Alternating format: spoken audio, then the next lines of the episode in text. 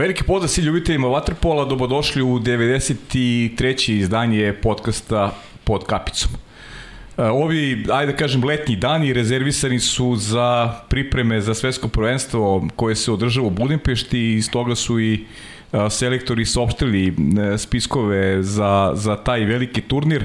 Znamo za koga se opredelio i selektor Srbije Dejan Savić. Pričat ćemo i tokom ove emisije o svetskoj smotri Vatrpola u Budimpiš. Naravno, tokom leta nas očekuje Evropsko prvenstvo u Splitu, a moram priznati da, da je koncept današnje emisije promenjen, jer želeo sam da preko puta mene danas bude Igor Milanović i, i bio je dogovor za tu emisiju koji je najavljena u krajnjem slučaju, međutim Igor ima neke privatne obaveze, mora da ih reguliše i čim se to dogodi, Igor će biti gost podcasta, takođe uskoro i Filip Filipović u našem studiju i bit će burno leto kada, kada je u pitanju podcast po kapicom, a danas sam odlučio uz dogovor sa mojom koleginicom Saro Radović da vam predstavim jednog mladog trenera koji je svako trebao da, da bude ovde gost, planirao se da to bude nešto kasnije, ali evo stvorili su suslovi da, da se danas lepo ispričamo.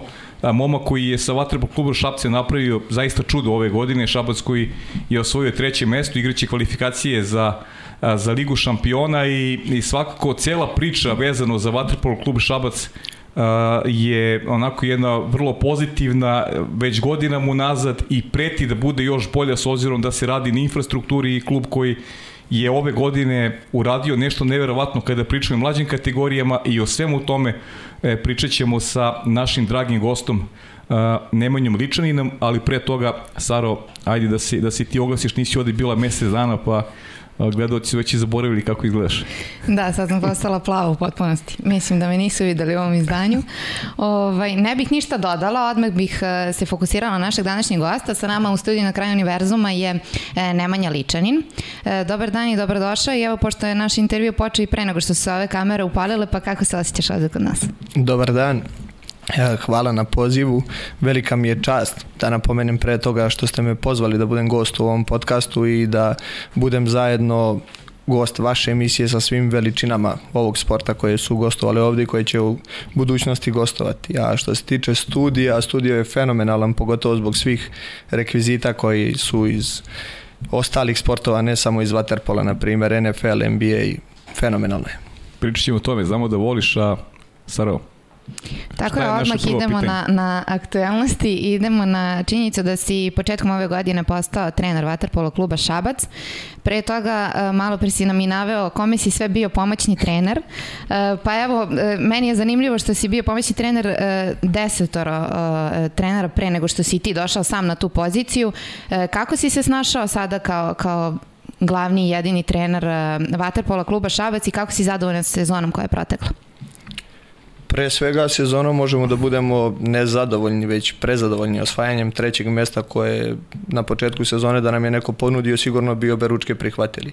A nakon sedam godina staža kao pomoćni trener Mislim da sam se dobro snašao u ulozi glavnog trenera jer mogu da kažem da sam učio od izvrsnih trenera i da su svojim primjerom dosta mi pomogli u ovom da bi kreirao ovaj rezultat sad koji je na kraju postignut. Nemanja, kako se odigralo sve to? U januaru mesecu, to je već onaj turnir neke regionalne lige koji je trebao da se igra u Beogradu, otišao je Anto Vasović i klub se opredelio da ukaže tebi priliku nakon, pričat ćemo nešto kasnije i generalno kako si ti uopšte ušao u, u vaterpolo vode, ali je ti iznenadio, iznenadila ta podrška koji si dobio od čelnika kluba i, ili si smatrao da posle toliko godina stažiranja i, i treba dobiješ šansu, ako si ti mlad, uh, imaš 31 godinu, ti si jedan od pa mlađih trenera, ajde da ne računamo braću Ćirić koji je dobilo onako šansu kada su bili mladi i ti si onako dobio u baš mladim godinama, ne postaje se trener prvog tima, da kažem tek tako. Uh, pre svega što se tiče dobijene šanse, opet da kažem, to je velika odgovornost i velika čast u ovim godinama da dobijem uopšte priliku da vodim jednu prvu ekipu kakva je ova, pogotovo jer jer smo se borili za neki viši plasman. kao što si rekao, to je se desilo u januaru, iskreno nisam se uopšte nadao tome, jer ja sam bio pre svega baziran na kondicionu pripremu što se tiče prve ekipe, a sa mlađim kategorijama više sam radio vaterpolo. Uh mhm. -huh.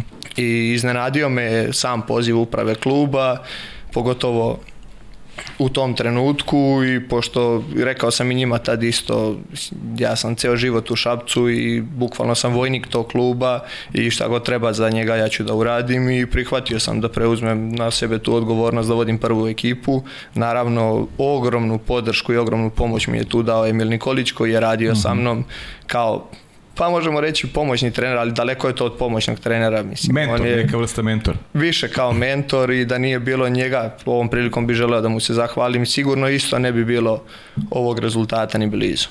Obećavam da ćemo Emila dovesti u, u podcast, naravno ukoliko on bude želeo čovjek koji je bio i prvak Evrope svoje vremeno sa Durbovačkim jugom, zaista veliko trenersko ime i imaš tu vrstu privilegije zaista da, da učiš ovaj, trenerski zanat od, od takve veličine kakve je, kakve je Emil Nikolić. Slažem se sa tobom, ogromna privilegija učiti zanat od njega, pogotovo što pričali smo i pre emisije, mhm. -huh. mi non stop pričamo o Waterpolu, sve utakmice koje mogu koji, koje se prenose, sedimo zajedno, gledamo nas dvojice i Miloš Popović koji je sa nama pomoć trener u mhm. prvoj ekipi, analiziramo i od njega može dosta pametnih i stručnih stvari da se čuje, da se nauči i stvarno je svaki, svaki trenutak proveden sa njim vredan pažnje. Mm. Pre nego što dođemo Sarija do tih nekih konkretnih momenta sezone, kaži mi kako izgleda jedan uh, 31-godišnjak koji je trener prvog tima, imaš tu igrače koji su možda i stariji od tebe, uh, kako se tu, da kažem, nametne autoritet? Da li je da li igrači prosto veruju u, u znanje koje imaš, naravno da tu postoji sad i neki, i, i, i postoji i drugarski naravno odnos, jer, jer znate se toliko godina, ali da, li si osetio i da li osjećaš tu podršku uh, od strane igrača, veru u ono, u ono što ti radiš, što im govoriš, i, ili, ili je bilo problema u startu kada si trebao da preuzmeš tu, nazovi, dirigentsku palicu? Ne mogu da kažem da je bilo problema u tom uh mhm. -huh. pogledu, jer sa dosta tih igrača ja sarađujem već dugi niz godina. Neki su tu od kada sam i ja, tako da poznajemo se vrlo dobro. Sa nekima koji su mlađi sam radio kroz mlađe reprezentativne kategorije, takođe me poznaju vrlo dobro i mislim da to, to jest moraš njih da pitaš da li su oni sumnjali u to ili nisu što sam ja pričao, ali ali mislim da smo napravili dobru komunikaciju i da su oni bili svesni toga što se traži, nisu, da to nisu nikakve ne znam, nijakakve stvari preterane, da je sve to moguće izvesti. To su bukvalno bile osnove i samo ako smo se držali tih osnova, mogli smo da napravimo rezultat. Uh mhm. -huh. A kaži mi, koliko si verovao u ono što se dogodilo kasnije, u taj epilog koji je zaista, zaista bio negde i, i neočekivan. Naravno da ćemo poseban šlagvort toj temi, pošto sam ja ovaj dobrom delu i učesnik toga, koliko si verovao taj konačan projekat? E, naravno, ima tu igrača koji su afirmisani, igrali u reprezentaciji i tako dalje, ali realno ste onako slabiji, slabiji i po kvalitetu tima u odnosu i na Novi Beograd i na Crvenu zvezdu, Partizan. E, nisu vam, se dav, nisu vam davane velike, radnički iz Kragovice, nisu vam davane velike šanse da se plasirate u polufinale play-off? Pa ako pogledamo pre svega tok sezone kakav je bio i naše igre koje smo pružali protiv najboljih ekipa, protiv da kažemo te četiri najbolje ekipe, nisu nam nikakve davane šanse mm -hmm. da plasmanu polufinale i iskreno da vam kažem kada smo to jest kada sam u januaru preuzeo ekipu, cilj je bio peto mesto i da se opstane u regionalnoj ligi. E sad, niko nije ni pomišljao o polufinalu, niti smo, niti smo gledali ka tome, već jednostavno samo je se desilo radili smo dobro i imali smo da kažemo sreće kad je bilo najpotrebnije. To je zaslužili smo sreću kad je bilo najpotrebnije pre toga dobrim radom. Uh mhm. -huh. Ima neke utakmice koje bi izdvojio iz regionalne lige, ajde vratit ćemo se na domaće prvenstvo. Regionalna liga koja je bila specifična ove godine, malo i naporna, ne malo, nego malo više za igrače. Ti, ti turniri su onako tražili možda i ekstra, ekstra napor, ne samo kod igrača, nego već i kod, kod, kod ljudi koji vode, ti si kondicijni trener, pa možeš da sublimiraš sve ono što, što znači pripremu odigrati u šest dana pet utakmica Ajde da nam pojasniš koliko je to naporno i šta si ti radio da negde, da kažem, odmoriš, da rasteretiš igrače, da, da, da, da, da ih da im da budu na maksimumu u, u, u takvom jednom takmičenju koje, koje zaista iziskuje veliku potrošnju. Pa s obzirom da smo mi igrali baraž za ispadanje, mm -hmm. za doigravanje za regionalnu ligu, izgleda nismo se dobro pripremili za mm -hmm. te turnire i za taj način igranja. E, pogotovo prvi turnir je bio izuzetno naporan, kao što si rekao, pet utak, šest utakmica u pet dana koji smo igrali u Beogradu je čak smo jednom igrali dva puta dnevno i to smo igrali poslednju utakmicu pre podne i prvu posle podne, što je izuzetan napor i za, za mlađe kategorije, jer to kod nas trenutno samo deca igraju, a kamoli za prvotimce. E, što se tiče kondicione pripreme, pa priprema se kao i za svaki drugi turnir, s tim što, kažem, pogotovo što smo igrali taj baraž, negde smo tu malo promašili u pripremi i plus imali smo dosta povreda i nisu nam se poklopile kockice da, bu, da bude bolji u regionalnoj ligi. Iako mislim da je da bila jako mala razlika između ekipa, mm -hmm. u mhm. kvaliteta ekipa regionalne lige, faktički mogao si da završiš 11. i 7. bez ikakvog problema. Čak ako se dobro, ako se ne vara, mislim da je jedan ili dva boda bila razlika između, između 7. i 11. Tako mm -hmm. da mi smo faktički jednim nerešenim rezultatom mogli da izbegnemo baraž na tom poslednjem turniru uh, poslednje utakmice sa radničkim imali smo zadnji napad sa, sa golmanom u napadu, da. promašili smo da smo tu izvukli x ostali bi. ostali bi, tako je a utakmica koju bi izdvojio u regionalnoj ligi izdvojio bi Primorac, zato što nam je bila neophodna pobeda uh mhm. -huh. uh, vod, cijelu utakmicu smo vodili, kontrolisali igru i na kraju smo promašili dva, imali smo dva razlike, minuti po do kraja, dva peterca smo promašili, primili smo gol 30 sekundi do kraja i opet smo imali napad sa golmanom gde smo promašili i ostao je x i ta utakmica nam je faktički zatvorila vrata sigurnom ostanku morali smo da igramo baraž. Uh mhm. -huh. Kako gledaš te različite koncepte e, u, u, u regionalnoj ligi? E, crnogorski klubovi koji sa tim mlađim igračima, što možda bude onako jedan dobar benefit za budućnost kada govorimo možda njihovom nacionalnom timu, ima tu onako dobrih talenata, evo igrača poput Matkovića, Matković koji recimo ide sada u Barcelonetu uh, umesto Granadosa, dakle sebi je profilisao kroz, kroz Primorac i sebi je profilisao u momka koji, koji je eto, spreman i za, i za velika dela, s druge strane Takođe i hrvatski klubovi su dobro imeli pomlađeni. Vidimo Franka Lazića koji je iz mladosti u reprezentaciji Srbije, u reprezentaciji Hrvatske pardon, dobio šansu od strane Ivice Tucka. Opet s druge strane srpski klubovi su ove godine imaju taj neki balans mladosti iskustva što mislim da je onako jedna, jedna e, lepa prednost za te, za te mlađe igrače koji imaju priliku da stasavaju uz te starije. Pa kako tebi izgledaju ti koncepti koji se razlikuju kada govorimo o, o regionalnoj ligi iz perspektive klubova? Pa mislim da su tu koncepti najviše uslovljeni financijama. Uh mhm. -huh. Svaka ekipa je napravljena shodno budžetu koji ima. Svi bi sigurno voljeli da imaju najbolji igrače u svojoj ekipi, ali to je nemoguće s obzirom na budžet koji posjeduju, tako da ekipe iz Crne Gore su verovatno shodno svom budžetu igrali sa podmlađenim ekipama i sigurno njima ta regionalna liga bila najveći benefit. Ali... Možeš samo mikrofon malo prilišiš.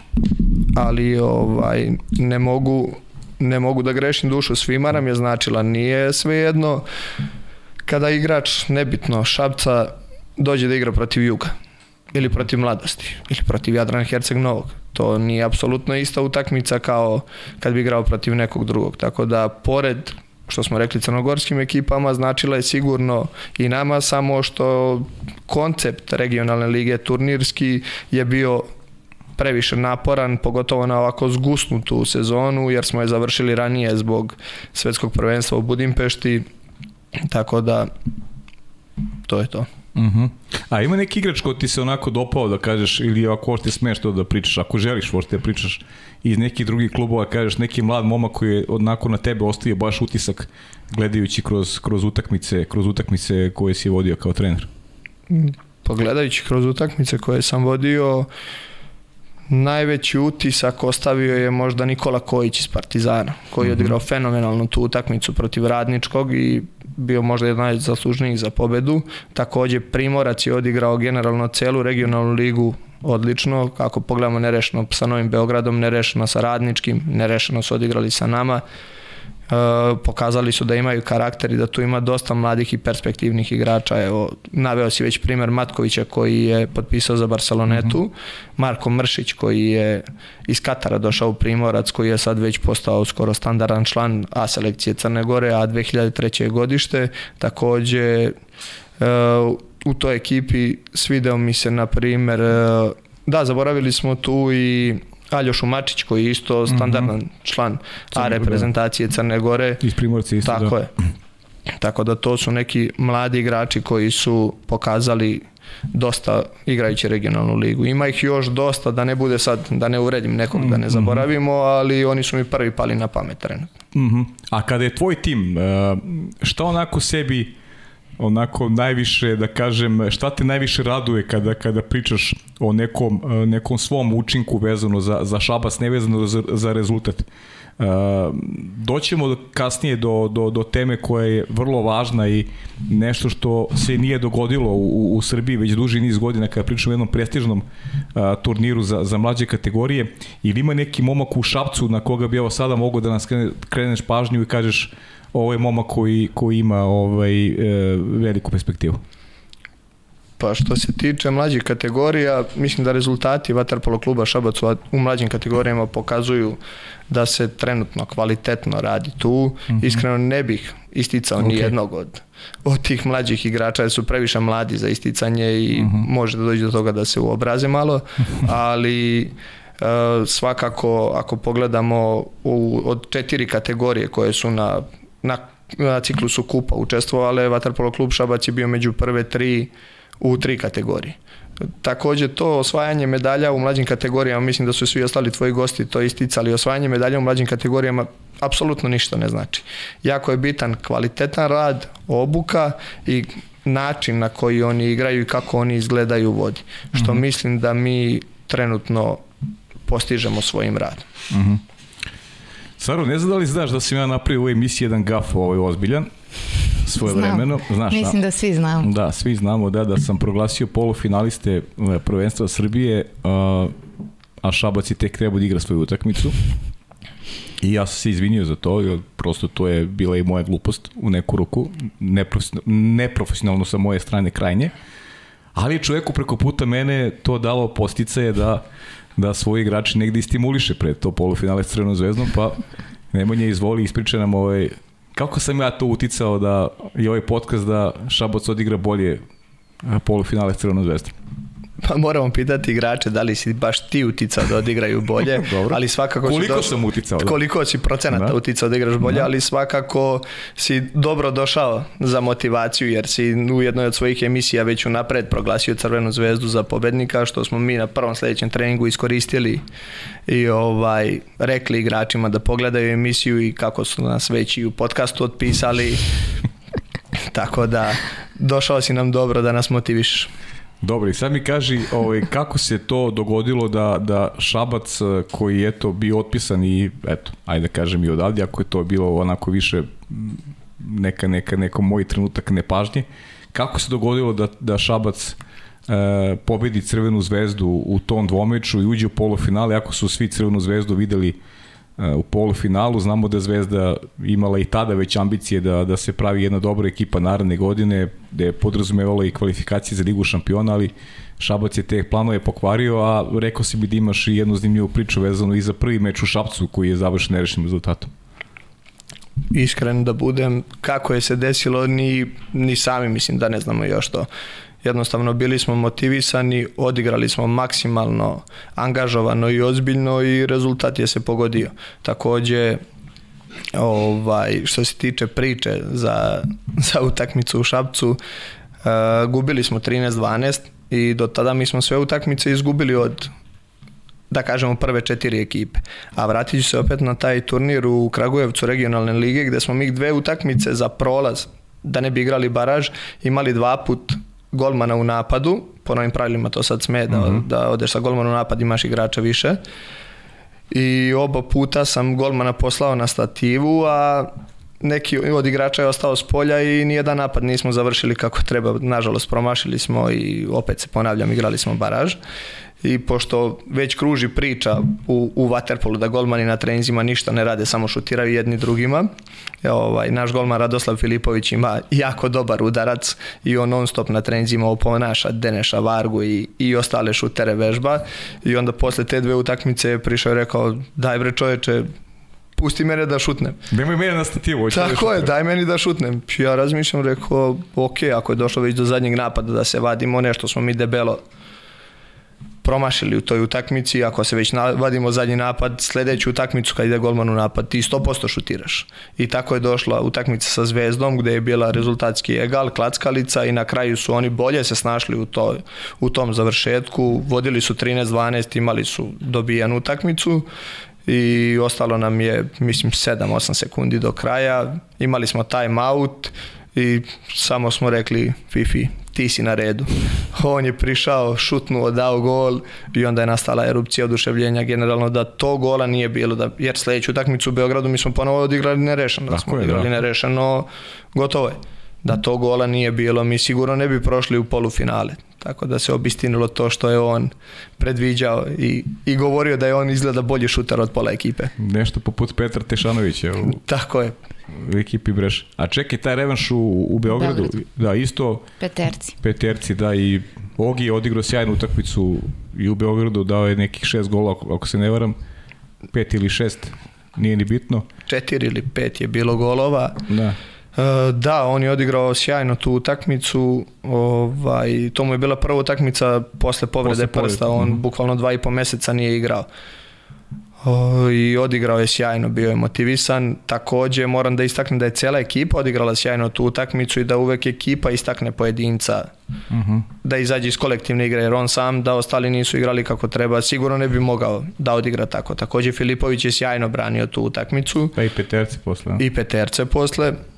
E, tu smo, tu smo, mogu da kažem, odigrali dobro, odlično smo snašli, pogotovo sa igračem manje e, i celu utakmicu smo to jest od poluvremena smo vodili 1-2 razlike i u trećoj četvrtini smo imali čak peterac na 5 minuta do kraja da odemo na tri razlike. Nažalost nismo imali sreće, promašili smo, Zvezda je uspela da se vrati apsolutno zasluženo, kaznilo nas i bilo je nerešeno i u toj utakmici, pošto smo imali dosta igrača sa isključenih, mm -hmm. sa, tri, sa tri, tri isključenja, isto je golman Filipović morao da šutira peterac, tako da i tu je opet postigao gol. I posle toga nismo narednih, do kraja sezone nismo mogli da živimo od njega na treninzima. Dobro, vidjet ćemo kako ćete da živite bez njega sad u buduće, s obzirom da je prešao u Novi Beograd, tako da... Da, tako je. Da, tako da ćete sada bez njega, ali stvarno je sjaj, sjajni bio svih ovih godina u Šapcu i eto sebi je obezbedi priliku da, da ide dalje, ali ajde da, da se da se osvrnemo sad na to na, na tu bitku za treće mesto gde ste vi u stvari obezbedili igranje i kvalifikacija za kup šampiona. Je tako? To je zato je ta utakmica za treće mesto imala takođe veliki ulog i tu se opet očekivalo ne da će Partizan koji izgubio polufinal od Radničkog i jeste bio favorit realno u, u, tom, dvo, u tom ispostavilo se e, dvomeču sa, sa, sa vama. E, kako, kako gledaš na, na, na, te, na te duele i Dve pobede Šapca u, u dve utakmice, prvu u Beogradu, a zatim i na vašem bazenu. O, opet bi se vratio na utakmicu, u stvari vratio bi se na dve utakmice sa Valisom baraže, uh mhm. -huh. pošto ovaj, Misliš posle, na baraž za ostanak u regionalnoj U regionalnoj ligi, tako uh mhm. -huh. je.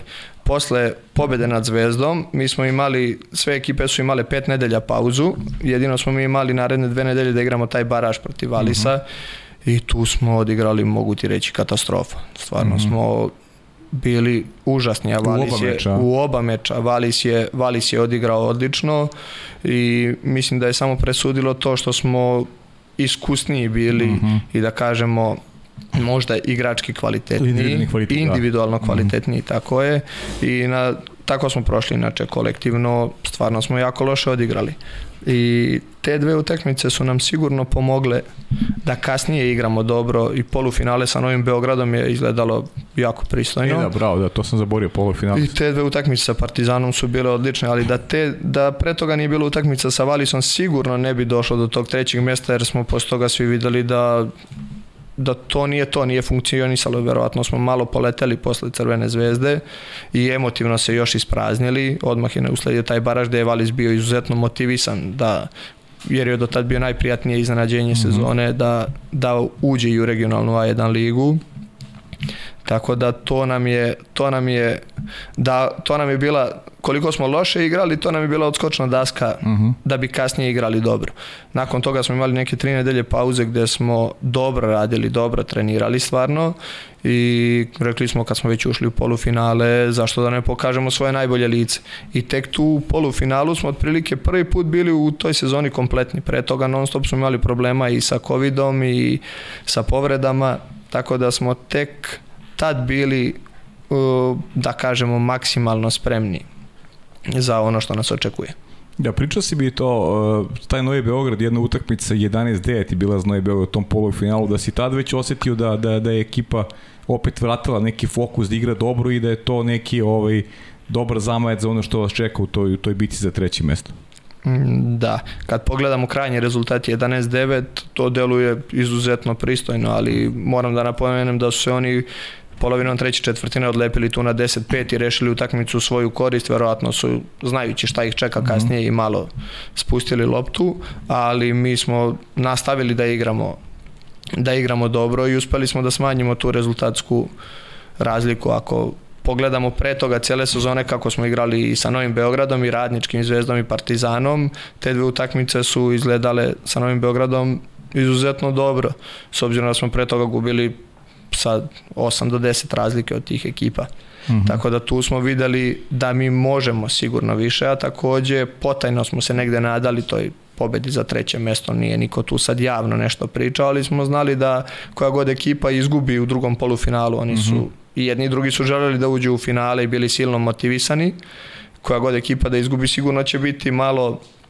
emotivno slabija, I, a mi smo svakako na svom maksimumu da kažem jer nismo mogli da prođemo Novi Beograd niti smo očekivali i mislili smo da smo tu u maloj psihološkoj prednosti ali takođe opet smo prepuštali logu favorita njima i sigurno su sigurno su i na papiru bili jači od nas i bili su favoriti, ali smo verovali na neki način da možemo, ako ništa, bar da uđemo u tri utakmice, pa onda da vidimo kako će mhm. biti. Ali ogroman ulog. Liga šampiona, kvalifikacije za, za Ligu šampiona, ogroman ulog, tako da nije neko opravdanje, znaš, izgubio si u polufinalu, pa sad, sad ću lagano za treće mesto. Imaš ulog koji, to je, to je neki cilj bio uh, svih ekipa pre početka zone da budu, da budu među tri. Tako je, Naj, najbolji podatak je da prošle sezone se nije ni igrala utakmice za treće mesto. Znači koji je u polufinalu završio je sezonu ove godine zbog tog ogromnog uloga koji si rekao je organizovana utakmica i za treće i za peto mesto, pošto peto mesto je donosilo Len Kup. Len Kup, tako. Tako je. Tako da ogroman ulog i tu smo ušli maksimalno ozbiljno, fokusirano i na kraju smo pobedili, na našu sreću. I kako je to izgledalo? Bilo nekog slavlja ili sigurno cilj, mislim da je cilj premašen u odnosu na, na nešto što su bilo očekivanja pre, pre početka godine. U, u sklopu svega ono što smo naveli, toliko ulaganja svih ostalih timova, neko je Šabac po po, po defaultu su mu davane najmanje šansi jer najmanje si uložilo u kreiranje ovogodišnjeg sastava, tačnije tek savršene sezone. Uh, sve, sve si sam rekao već. Uh -huh. Uh, već smo o tome pričali. Nas su svi videli već kao pete. Bilo je četiri ekipe i Šabac tu ulaže, ali malo je iznad šestoga, ali nije ni blizu ove četiri. Uh -huh. Tako da cilj je apsolutno premašen daleko iznad onoga što je očekivano ove sezone i sad nam slede kvalifikacije za Ligu šampiona da vidimo do, dokle možemo da, tu da stignemo. o tome, a koliko samo osjećaš neki benefit na račun onoga što, što si postigao zajedno sa ekipom, jer ovo je tvoja prva sezona gde samostalno vodiš ekipu, a suočavaš se sa nekim lepim stvarima i, i, i ovo može da bude dobar postrek i za tebi i najava neke, neke lepe karijere koje bi mogla te sačeka, ajde da, da, da ne budemo sada pompezni previše, sigurno da si da osjećaš neko, neko zadovoljstvo zbog, zbog svega onoga što, što se dogodilo. Ne mogu da grešim dušu, zadovoljstvo se osjeća sigurno kad napraviš mm -hmm. takav rezultat koji niko nije očekivao, uvek si zadovoljan i ispunjen, ali mislim da ja imam još mnogo, mnogo da radim da bi došlo do te lepe karijere i svestan sam toga da ovo može da bude čak i, da kažemo, sreća nekada do, da se napravi takav rezultat, jedino kontinuitet u radu i kontinuitet u dobrim rezultatima pokazuje da li je to stvarno bilo dobro ili te ne možda malo pogledala sreća. Mm -hmm. Ništa pre nego što otvorimo temu za, vezano za te mlađe kategorije, ono što bih e, ja možda pitala jeste da li upravo e, to što je fokus Vaterpolo kluba Šabac e, od 2015. godine kada je otvoren i taj bazen bio na tim mlađim kategorijama, da li je to možda i uticalo na to da, da se sada još više fokusirate na te mlađe kategorije, a da taj prvi tim možda na neki način ispašta. S obzirom da mislim da si ti negde i rekao da te 2015. godine je napravljen neki dugoročni plan plan vezano za te mlađe kategorije i da se sada ubiraju plodovi e, tog rada. E, pa da li je to možda uticalo na, da ove sezone, moramo da istaknemo da je 2018-19. sezona Šabac je uzeo tada duplu krunu. E, da li je sada taj prvi tim možda malo posustao da bi se te mlađe kategorije istakle? Uh, 2015. napravljen je dugoročni plan E, da Vatrpolo klub Šabac u roku od 8 do 10 godina izbaci svog, da kažemo, prvog prvotimca koji je ponikao na novom bazenu i trenutno još nismo ispunili taj plan, ali nadamo se da ćemo uskoro ispuniti jer kao što sam rekao, evo od generacije 2006 pa na dole i u svakoj kategoriji smo izuzetno konkurentni, imamo velik broj dece i što se vidi po rezultatima mlađih kategorija. Uh, izvini, nisam ti ispratio šta si da, još pa što se rekao. tiče tog eh, prvog tima, da li je to možda razlog, eh, taj fokus na mlađim kategorijama, da li je to razlog da je možda taj prvi tim i postava prvog tima ove sezone eh, nešto slabija u odnosu na, na sezone ranije, jer kako sam i rekla, Šabac je u toj sezoni 2018-19 osvojio duplu krunu. Da, Šabac je sezoni 18-19 osvojio duplu krunu. Uh, mislim da nije prvi tim ispaštao zbog mlađih kategorija. Generalno mi smo ostali na istom nivou ulaganja isto kao i, i prethodnih godina dok su druge ekipe podigle samo nivo ulaganja i zbog toga je prvi tim na tom nivou na kom jeste. Nismo sad mi svesno zbog mlađih kategorija spuštali prvi tim. Mislim da mlađe kategorije prvi tim čak nemaju nikakve veze finansijski da bi morale da jedno zbog drugog da ispaštaju, čak šta više bolje da imate što bolju prvu ekipu zbog svojih mlađih kategorija da bi imali ti mladi igrači na koga da se ugledaju i za vreme treninga i utakmice i pre i posle treninga da bi imali svoje idole i da jednog dana sanjaju da sutradan igraju sa nekim reprezentativicama u toj prvoj ekipi. Ali jednostavno novac diktira sve kakav, kakav će vam biti prvi tim i To je to. Hoće ulaganje, izvini, hoće ulaganje biti veće sad ove godine s, s obzirom da igrate kvalifikacije za Ligu šampiona? Ili imaš neku predstavu o tome ili, ili, ili možda nisi prava adresa za to pitanje? Pa nisam prava adresa za to uh mhm. -huh. pitanje, uprava kluba je prava adresa za to uh mhm. -huh. pitanje. Ono što ja znam, ekipa će biti otprilike na istom nivou isti nemamo rezultatski imperativ da sad ponovimo mhm. to treće mesto, gledat ćemo da napravimo konkurentnu ekipu kao i ove godine da budemo u vrhu, mm. ako možemo nekom da pomrsimo račune, da budemo tvrdorah kad igramo sa jačim ekipama od sebe, ali opet da budemo u nivou evropskih takmičenja. Mm -hmm. Takav je neki cilj i plan takođe, jako nam je bitan individualan razvoj svakog tog prvotimca i mladog igrača koji dođe u Šabac da možemo da kažemo kad dođeš u Šabac dobit će šansu, priliku i napredovaćeš možda. Mi ne možemo da te finansijski sa, ispunimo kao neko mm -hmm. drugi, ali jednostavno ako se ovde pokažeš možda ćeš negde drugde moći da se prodaš što mislim da kad pogledamo malo unazad u zadnjih 3-4 godine eh, prvotimci Šabca koji su otišli u druge klubove su baš to uradili. Šabac im je bio odskočna daska nabrih, za nešto nabrih, više. Zašto ne? Da ne se, da se ne Opet da, da nekog ne zaboravim, ali evo sad najsvežiji su Radoslav Filipović i Savo Četković koji su je. prešli u Novi Beograd. Obojci su prešli iz, ovo, iz ovog sezonskog sastava, da. Tako je, pre toga Đorđe Vučinić je prošao, prešao u Novi Beograd prošle godine. Nikola Lukić. Nikola Lukić, Marko Janković je u Grčkoj, sada Petar, Petar Velkić koji je potpisao za Ortiđu prošle godine se vratio u Partizan i tri godine bio kod nas. Tako da to nam je neki cilj, da budemo dobar klub razvojni za, za mlade igrače. Hmm.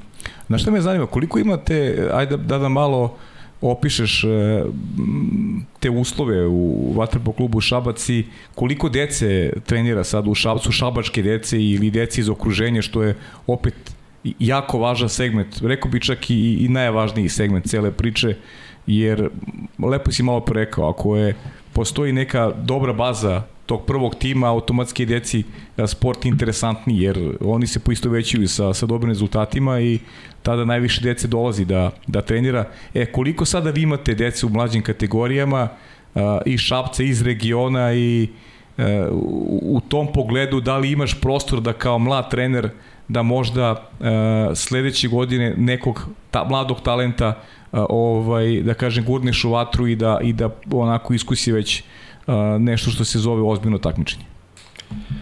Trenutno ima oko 250 dečaka i devojčica koji treniraju isključivo vaterpolo. Taj broj mhm. se uvećava za možda još stotinak koji treniraju rekreativno plivanje ili vaterpolo uz klub. Uh mhm. -huh. uh, što se tiče tih mladih igrača, kao što si rekao, mi smo zbog njih baš oformili, to jest Vaterpolo klub Sava postoji odavno, ali je bio suspendovan, nije se takmičio, međutim, baš zbog tih mladih igrača smo proš, preprošle godine pokrenuli Vaterpolo klub Savu da bi oni mogli da se takmiče na seniorskom nivou, da osete seniorski Vaterpolo i da imaju mnogo lakšu adaptaciju za ulazak u prvi tim.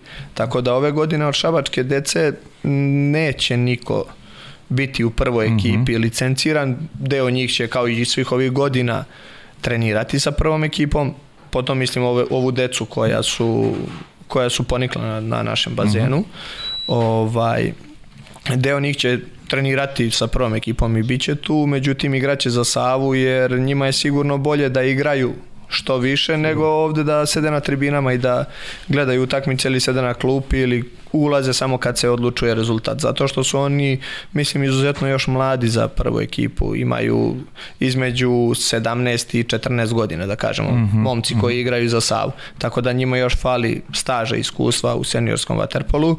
A moram da napomenem da je Vaterpolo klub Sava prošle godine isto napravio ogromno iznenađenje i ušao iz B lige u A ligu. Mm -hmm. Što nam i jeste bio neki cilj da imamo svoju drugu ekipu A ligi, da nam se tu naša deca kale i da iz nje izlaze u prvu ekipu. Na primer, kao što Novi Beograd ima ove godine Vukove koji igrao B ligu pa ušao u Super ligu, kao što Partizan ima Banjicu, Banjicu da. gde igraju njihovi mladi igrači, tako mi se nadamo da će Vatarpolo klub Sava jednostavno biti naša, da kažemo, fabrika za proizvodnju igrača koji će ulaziti kasnije u prvi tim. Uh mhm. -huh. A kad je infrastruktura u pitanju, i tu se neke stvari se, dešavaju, tako? Što se tiče infrastrukture, upravo traju radovi na otvorenim bazenima uh mhm. -huh. i mislim da bi trebalo otprilike oko 15. jula da budu gotovi da bude otvoren bazen već otvoreni bazen za ovu letnju sezonu što će nama drastično olakšati uslove za rad jer ovaj bazen koji sad imamo postao nam je već mali. Uh mhm. -huh. S obzirom na broj dece i broj termina koji imamo već, već je ogromna gužva tako da a, postoje neka obećanje da ćemo dobiti balon da, da preko zimske sezone isto može da se koristi otvoreni bazen i to će nam doneti ogroman benefit da možemo da radimo još bolje i više da se posvetimo deci da imaju više termina za trening jer ovako već, već smo ušli u, u gužu. Sjajno, a, a kaži, mi, kaži mi kada pričamo o deci koje dolaze, ili su to dece iz Šapca ili, ili ima dece koje dolaze iz, iz regiona i, i onako uporna su da, da nauče vaterpolo, pa možda i putuju, putuju do Šapca zadovoljni radom škole, kako, kako tu stoje stvari? Većinom su deca iz Šabca, ali moram da napomenem da ima i deca iz regiona. Ima, na primjer, dosta dece iz okoline Šabca, tu iz, eh, iz seoskih naselja, to je, ajde da kažem, udaljeno desetak, 20 uh -huh. km koji svakodnevno putuju. Takođe imamo i dečake iz Loznice. Evo sad su nam se pridružili dečaci iz Obrenovca koji su verovatno prepoznali taj kvalitetan rad u Waterpolo klubu Šabac uh mhm. -huh. i izrazili su želju da dođu baš kod nas i da, da se u našem klubu razvijaju što je za nas ogroman, ogromna satisfakcija kad vidiš da neko kome je da kažemo Beograd mnogo bliži, ipak -hmm. odabere da dođe u Šabac da radi. Da, sjajan. A devojčice?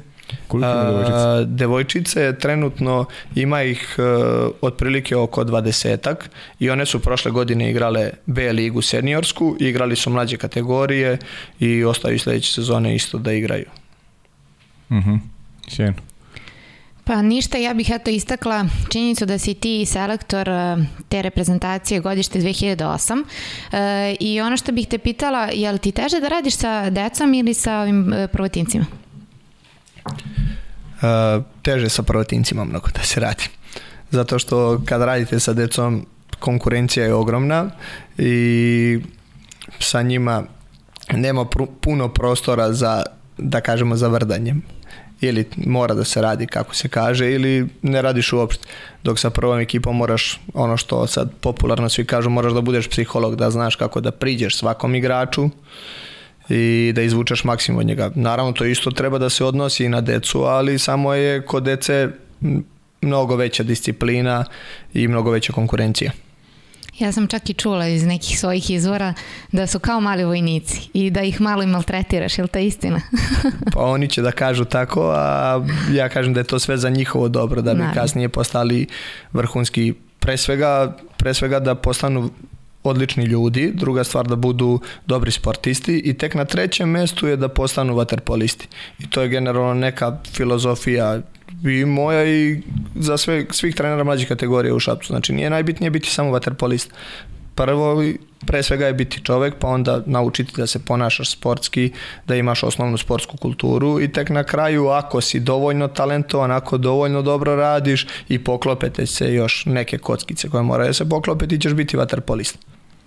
Da, 2008. E, godište, verujem da, da ti to onako potvrda tvog, tvog nekog e, rada i, i onoga što, što kreiraš e, od eto, 2015. godine kada si uključen u, u radi prvog tima Vatrpo kluba Šabac, šta radi dečaci 2008. godište, kako su ti obaveze u, u nacionalnom timu Srbije i naravno da pričamo sad o pokvalno dečacima koji imaju 14 godina i ono što je Sara rekla, taj neki uh, pedagoški pristup je, je ovako trenutno jako važan uz, uz tu neku nadgradnju. Verujem da postoji i saradnja i sa, i sa klubovima, sa, sa ljudima koji rade sa tom decom u, u klubovima i kako ti se čini, ajde, ajde da kažemo, ta, ta deca rođena 2008. godine. 2008. godine? Pa iskreno moramo prvo da vidimo kakva je konkurencija u, u ostalim državama da bi mhm. rekli, uh -huh. da bi rekli kako nam se čine. Uh mhm. -huh ali možemo da kažemo da tu ima sigurno perspektive sad dalje. Sve zavisi od rada našeg i od rada klubova sa njima kako će to dokle će oni da, da doguraju, da tako kažem. Ovaj, saradnja sa klubovima, ako misliš na to ispred Saveza što, što tako radim je, kao, kao, kao selektor za 2008. Da. saradnja sa klubovima je fenomenalna. Sa svakim trenerom apsolutno imam odličnu saradnju, odličnu komunikaciju i na to ne mogu da se žalim. Saradnja takođe sa Vaterpolo Savezom je odlična, za, izašli su maksimalno u susret za, za sve što je trebalo, pripreme, testiranje, vidi se da se obraća pažnja na mlađe kategorije, da je dosta uloženo u njih i da se očekuje da kroz neki period, ne samo 2008, već od svih tih mlađih igrača da, da, da nastavimo da da pravimo A reprezentativce i da se nastave, da nastave da se osvajaju medalje u A selekciji. Mm. A kada oni imaju prvo takmičenje? Kad ti kao selektor imaš prvo takmičenje sa, sa tom generacijom? Prvo takmičenje generalno u mlađih kategorija reprezentacije je Evropsko prvenstvo sa 15 godina. Uh mhm. -huh. Tako da 2008. sledeće godine, 2023. ima prvo takmičenje. Ove, ovo leto neće imati nikakvo takmičenje, imaju samo okupljanje koje će trajati tri nedelje, testiranje i da vidimo široku bazu. Poznavanje. Tako je, mhm. upoznavanje i da vidimo široku bazu kandidata ko je na kom nivou, kako usvajaju određene stvari koje ćemo mm. da mhm. radimo sa njima i na koga može da se računa u budućnosti takođe predikcija ko može da kasnije da, da, da, da dogura do A reprezentacije mm. i to je to. E, ti već imaš neko, ajde da kažem, predznanje iz svog kluba, sad se vraćamo na temu s početka, nešto što nije, nije bilo tipično čak i za, i za neke druge klubove, legendarni turnir Toma Udovičić, gde su generacije Vatrapo kluba Šapcu osvojile uh, prvo mesto u dve generacije, 2008. i 2010. godine. 2010. godište. Koliko god da rezultati u mlađim kategorijama kao što si naveo, nije nešto što treba da bude cilj, neki pokazatelj, nagovešta ih svakako jeste, ali opet je rezultat s kojim treba da budete ponosni e, vi u Šapcu, dokaz dobrog rada, pa ajde malo da nam približiš sve ono što se dešavalo na turniru i da i da ovako široj javnosti e, negde demonstriraš, u stvari prepričaš kako se sve to odigralo i ovaj, neću da pričam o imenima, naravno to su, to su deca još mlada, ali baza jedna ozbiljna, kvalitetna baza u Vatepo klubu Šabac očigledno postoji. A o tome smo već pričali da je nama cilj da u što kraćem periodu napravi, izbacimo što više možemo prvotimaca iz, iz, naše, iz, naše, iz našeg omladinskog pogona. Uh, rezultat na turniru Tom Udovičić osvajanje sa dve generacije što mislim da niko nikad nije uradio je stvarno fenomenalna stvar, ali takođe ne mora apsolutno ništa da znači. Mm -hmm. To opet sve zavisi jer to su deca od 14 do 12 godina i njima tek sad sledi onaj najkritičniji period i e, razvoja što se tiče vaterpola i razvoja, znate kako se kaže, deca u pubertetu, onda je. sad malo povilene. Tako mm -hmm. da ovaj, e, baza kao što si rekao, baza postoji. E sad na nama kao klubu je da, da vidimo da li će da to iskoristimo i da probamo da izguramo da napravimo što više možemo protimaca. A turnir Tomu Udovičić generalno je osmišljen kao, da kažem, mini evropsko prvenstvo ili svetsko zavisnosti od toga koje ekipe dolaze i odlična je stvar za decu, pogotovo za ove najmlađe, a i za starije nije loše. Eh, gde se oni upoznaju, druže sa drugarima iz drugih, iz drugih država, upoznaju druge načine igranja vaterpola. Ceo dan su utakmice na bazenu, sve generalno na bazenu u znaku, to, u znaku tog turnira. U hotelu svi su zajedno smešteni, imaju pra, mogu da, da razmenjuju, da kažemo, utiske, mišljenja sa, mm -hmm. svojim, sa svojim malim kolegama, tako da to je ogromno iskustvo i trebalo bi svako dete, po mom mišljenju, da koje se bavi vaterpolom da prođe kroz taj turnir, jer je fantastično iskustvo.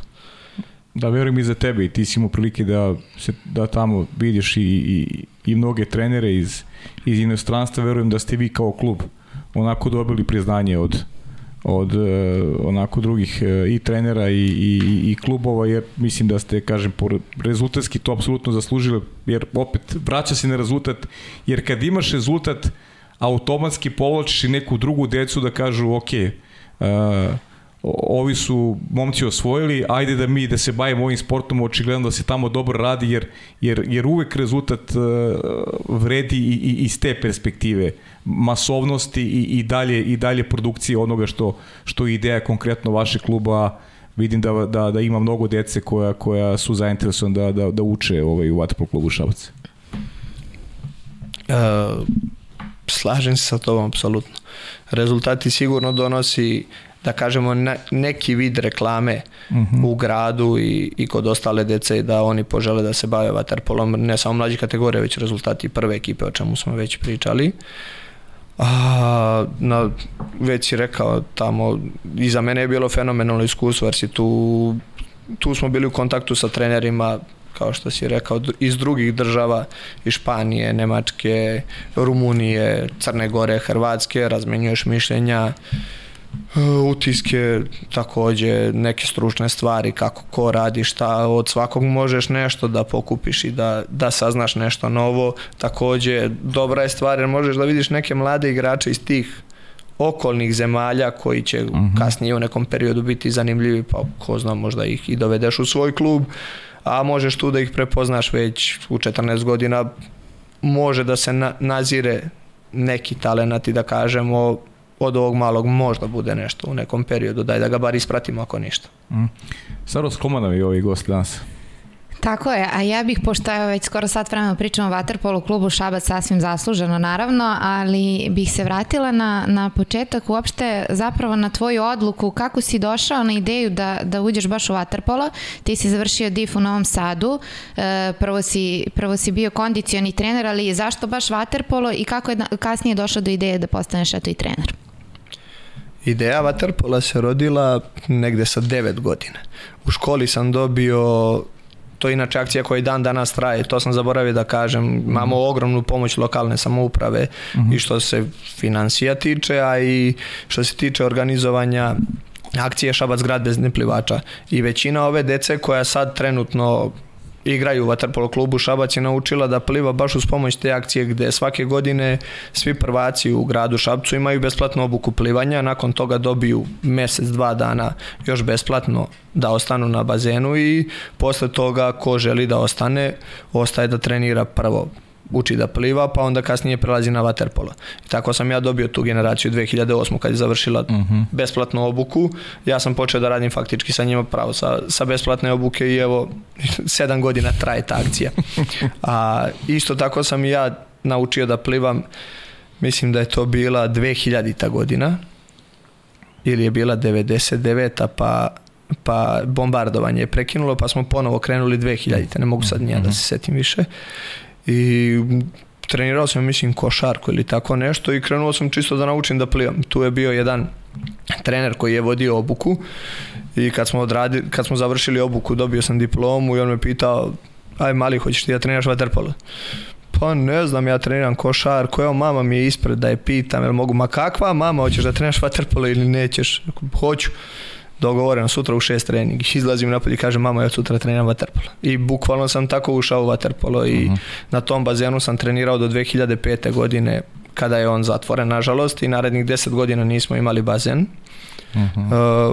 uh, u tom kritičnom periodu kada smo trebali najviše da napredujemo, mi smo ostali baz, bez bazena. Takođe, da napomenem da daleko smo bi bili od neke talentovane generacije i kod nas je bio daleko od toga da postane uh, i prvoligaški igrača, kamoli nešto više, ali smo izuzetno voleli taj sport i maksimalno smo se družili, evo sad većina mojih drugova privatno prijatelja je bukvalno sa Waterpola. Svi smo u nekim drugim branšama, ali ostali smo da se družimo za ceo život.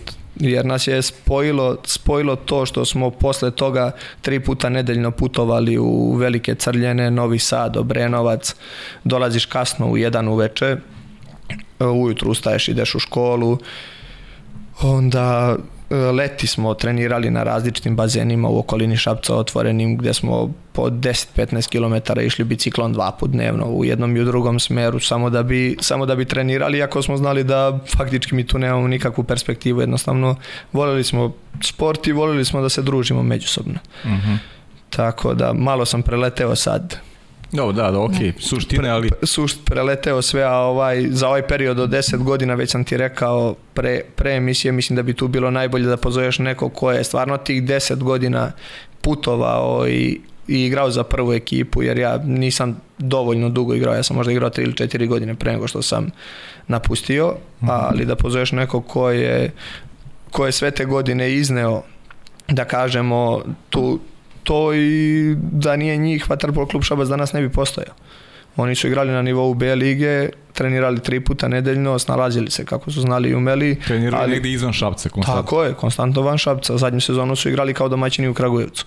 Uh mhm. -huh. Ali su uspeli da održe klub da postoji na papiru i takmičarski da postoji. Na kraju su van Šapca ušli u Super ligu i obezbedili da na novom bazenu igra se Super liga kad je otvoren. Da, sjajna priča. To je to je dokaz, to, to je u stvari prava ljubav. To je prava ljubav. Tako je, kad, je sad... Kad si, kad si spreman da se toliko ovaj, daješ nečemu što voliš, e, ne znam, po cenu eto i takve žrtve da si jednostavno nemaš gde ni da treniraš, ni da igraš, a, a i dalje ostaješ u sportu bez jasnih preznaka da to može da ti donese neku vrstu benefita osim, osim, osim da je to ljubav i ništa više. Pa očigledno da mom primjeru da je donela neki benefit, jer mm. da kažem, verovatno sad kad sam ovo ispričao, kad malo razmislim, ono što sam rekao, sreća mora se zaslužiti, možda, smo mi baš, možda sam ja baš time zaslužio tu sreću da u trenutku kad završavam fakultet 2015. godine otvara se bazen u Šapcu, ja počinjem da radim tu. Mm-hmm. Takođe imao sam sreću da bukvalno nije bio ko da bude tu pomoćni trener u prvoj ekipi, ja kao mladi, eto, završio sam DIF, opredelio sam se za kondicionu pripremu, ajde ti ćeš. I na kraju, mm -hmm. posle sedam godina, tek vidim da je to bio pravi put, da kažem. A ti si, ti si div završio u Novom Sadu, ili tako? Tako je, ja sam div završio u Novom Sadu. Nisi tada razmišljao da nešto u Vojvodina, da nešto malo, eto, čisto održavaš neki trening, da, da pokušaš nešto, nisi, prosto si se fokusirao na studije, nisi imao kontakt sa sa vaterpolom neki bliski osim, osim studiranja? Uh, pa u tom periodu od 2009. do 2012. ja sam igrao prvu B ligu za našu prvu ekipu koja je uh mhm. -huh. tad postojala i trenirali smo u Novom Sadu Vaterpolo klub Vojvodina nam je baš izašao u susret uh mhm. -huh. i dao nam je termine na bazenu Klisi gde smo bukvalno bili svi sa strane sastavljeni iz Bečeja, Subotice, iz Valjeva, iz, iz Šapca koji su koji su studirali u Novom Sadu i mi smo imali termine tu sa nekim veteranima, trenirali smo tri puta nedeljno i bilo je lepo druženje, tako da ne, ne, ne mogu da kažem da se nisam bavio u Novom Sadu vaterpolom. Posle 2012. sam prestao i fokusirao se maksimalno na fakultet i tek kad je otvoren bazen počeo sam da se da radim. U stvari svako leto, nisam preko sezone radio, svako leto mm -hmm. uh, Waterpolo klub Šabac je imao treninge na treninge mlađih kategorija na bazenima oko Šapca, te što sam pričao, u okolini Šapca i ja sam radio kao trener mlađih kategorija, to jest više sam pomagao nego što sam bio tu ozbiljan trener, pomagao trenerima koji su već radili, čisto da steknem iskustvo za ono što sleduje nakon fakulteta. A kaži mi šta si igrao? Sve. Samo, ja. samo nisam branio. To, to je dokaz koliko sam dobar igrač bio. Šta treba, zakrpi tamo. znači, krpio si sve rupe, a? Tako je, tako je. Da li si baš tada kad si počeo kao trener tih mlađih kategorija uvideo da, da bi u nekom narednom periodu kroz par godina mogao da budeš trener i nek, nekog prvog tima? Pa, kao što si rekla u početku sam u početku sam samo se, sam, bio sam fokusiran baš na kondicionu pripremu i na fakultetu sam dosta, dosta išao u tom smeru i mislio sam da će mi to biti poziv do kraja života samo kondiciona priprema, a mlađe kategorije, ajde to mogu usputno da radim, da vodim, tu sam iz Waterpola, nije da ne znam ništa, ali jednostavno kako su mlađe, kako je da kažemo ta generacija koju sam ja vodio stasavala i, i videli se benefiti tog rada i moji apetiti su porasli, pomislio sam zašto ne bi mogu ja to jednog trenutka da radim, pogotovo jer sam svo to vreme bio uz uz prvu ekipu i tu sa prvim trenerima gde sam skupljao ogromno iskustvo i znanje, od svakog po nešto krao gledao kako treba, kako ne treba, sve ostalo i na kraju, na kraju sam možda aj da kažem poslednjih par godina shvatio da, da ipak neće kondiciona priprema biti moj poziv, već da će biti vaterpolo. Imaš li si imao nekog uzora kad si, kad si bio klinac? Misliš... Uh, igračkog? Igračkog. Mm, pa igračkog nisam. A trenerskog? Sad sam teo da kažem, jer ceo život, uh, od kad sam bio mali, ja sam maštao o tome da budem trener. Kad da, su me sjajno. pitali, kad sam bio mali, šta ćeš da budeš kad porasteš, nikad nisam, bio, nikad nisam rekao vaterpolist. Uvek je bilo, ja ću da budem trener. Uh mhm. -huh. Tako da, trenerskog, trenerski uzor, ne mogu sad da kažem, e, teo sam da budem kao taj, ali dosta sam pratio druge sportove i gledao ostale trenere, uvek sam bio fan ljudi koji se dugo zadrže u jednoj sredini, u bilo kom sportu. Mhm. -huh. Na primjer, uzet ćemo, pričali smo o NFL-u Bill Beliček godinama u godinama u New England Patriotsima, mm. Alex Ferguson u Manchester, Manchester Unitedu. Onda, ne znam, Željko Bradović je 9 godina bio trener Paneta Ikosa, tako da uvek sam bio, bio fan takvih ljudi koji su faktički bili ljudi sistem. Mm. Oni su pravili ceo sistem i kad kažeš Manchester United svi pomisle na Alex Ferguson. Mm -hmm. Tako da oni su mi bili, mislim nego kažem Alex Ferguson mi je uzor, to, to je ludost, ali jednostavno to mi je se da ka, na neki način kažem sviđalo. Mm -hmm. Znači, Vaterpolo klub Šabac jednako Nemanja Ličenja. Jednako Nemanja Ličenja. Ne, ne, bit ćemo skromni. Da, daleko, daleko od toga. Mi ćemo da te hvalimo, a, ne A kaži, ovaj, kaži mi, ajde kad sad malo skačemo s teme na temu, šta se dešava sledeće godine? Ima nekih Ima nešto možda podeliš s nama. Znamo da, da odlaze Filipović i Četković otišli u Novi Beograd, to znamo. Ili ima nešto što, što je poznato vezano za, za sastav, za sastav naredne godine? To, to navijač uvek najviše interesuje, to, toga si sam svestan. Filipović i Četković su otišli u Novi Beograd, Simon Vogel je otišao u Mađarsku. Vratio se u stvari. Vratio se u, tako je u Mađarsku i jedino kome još istekao ugovor je Ognjen Stojanović koji je na priprema s reprezentacijom. Uh mhm. -huh. Tako da mi pošto klub još nije izašao sa zvaničnim informacijama oko igrača, mhm. -huh. da sad ja ovde ne pričam šta okay, i kako, naravno. ali mogu da kažem da su to neke deficitarne pozicije koje treba da se popune, koje su nam koje nam fale u odnosu na prošlu sezonu. Znači dva Golman centra, centra. Uh -huh. dva centra, golman, levoruki igrač koji prošle godine nismo imali, mhm. -huh. i još jedan igrač levo i klub je u pregovorima sa sa pojedinim igračima, mislim da je sa nekima čak i dogovorio i blizu dogovora, ali sad da ne objavljam ja, to će zvaničan klub da objavi. Uh mhm. -huh. Kaži mi šta, šta je neki cilj? Ovaj, kvalifikacije za ligu šampiona sad, to je naravno teška ovaj, matematika po znacima navoda, ali i kad iz, iz pozicije Šapca očigledno ništa nije nemoguće. Uh, verujem da, da sanjate svoje snove, da, da je moguće i, i tako nešto uraditi. Znamo da će Srbija imati sledeći godin dva predstavnika to su Novi Beograd i Kragujevački radnički, pa naravno svi mi ovde držimo fige da, da to bude i Šabac i opet za tebe takođe kao trenera jedan, jedna nova vrsta izazova. Igraćeš, u krajnjem slučaju Breša će igrati kvalifikacije za Ligu šampiona, ni Breša nema sigurno mesto i Breša koja je doveli Konstantina Harkova biće jača u odnosu na, na prošlu godinu. Slavno će biti izazov ući u, u, u Ligu šampiona, ali hrabri se izazova ne plaše. Pa sam si rekao, izazova se ne plašimo, ali daleko uopšte da mi sad nešto maštamo o Ligi šampiona. Uh mhm. -huh. Kvalifikacije ćemo igrati korak po korak, tako da vidjet ćemo dokle možemo da dođemo. Uopšte se ne opterećujemo nekim rezultatom u Evropi, ali izaći ćemo u Evropu čisto da vidimo gde se nalazimo u tom trenutku. Dobra stvar je, ako si video, sad je promenjen sistem takmičenja. Mhm. Ranije, kada ispadneš iz prvog, drugog kruga kvalifikacije za, Liga šamp za Ligu šampiona, ne, ne nastavljaš u Evrokupu. E sad, e, malo su izmenili uopšte generalno sistem takmičenja, ubacili su treće evropsko takmičenje, uh mhm. -huh. pa onda kako iz kog kruga ispadaš, seliš se u niži, niži rang takmičenja. Po uzoru na futbol. Da. Tako je, po uzoru na futbol. I to je super, sjajno. I to je, slažem se, sjajno, jer ako se setimo malo, vratimo se malo u prošlo zvezda koja je bila prvak Evrope sledeće godine ispala u kvalifikacijama za Ligu šampiona i nije mogla da igra čak ni Len Kup. Tako, A prvaci su Evrope. Yes. Tako je. Mm. Tako da to je dobra stvar. Uh, uopšte se ne opterećujemo rezultatom, hvala na, na lepim željama, vidjet ćemo zašto ćemo da budemo sposobni, a da ćemo sve od sebe da maksimalno reprezentujemo i svoj klub, grad i državu dakle dolazimo. Da, super je igrati generalno, to, to je stvarno za pohvalu, to treće takmičenje koje se uvodi, jer ti sledeće godine u suštini nemaš, ni, nemaš ništa ni od velikih takmičenja kada govorimo o svetskim evropskim šampionat, šampionatima.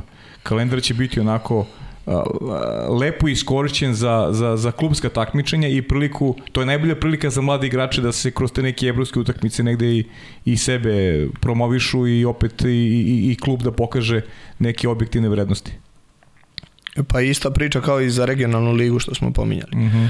Idea, idealna stvar i za mlade i za starije igrače da se, da se pokažu ostalim evropskim ekipama koliko vrede, šta mogu, a idealno, idealno je i za, za klubove da izađu u Evropu i da odmere snage sa ostalima da vide gde se nalaze. Uh mhm. -huh.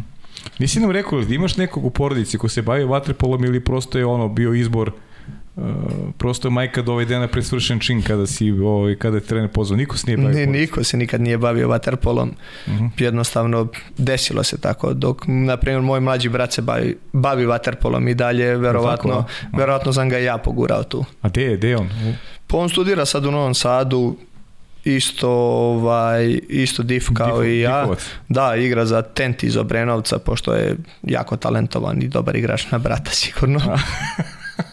Dobro. Šalim se. Ovaj, mo mogu... Baš si ga lepo pogurao. Da, da, da. da. mogu, mogu da kažem da je on u svemu mnogo talentovaniji od mene.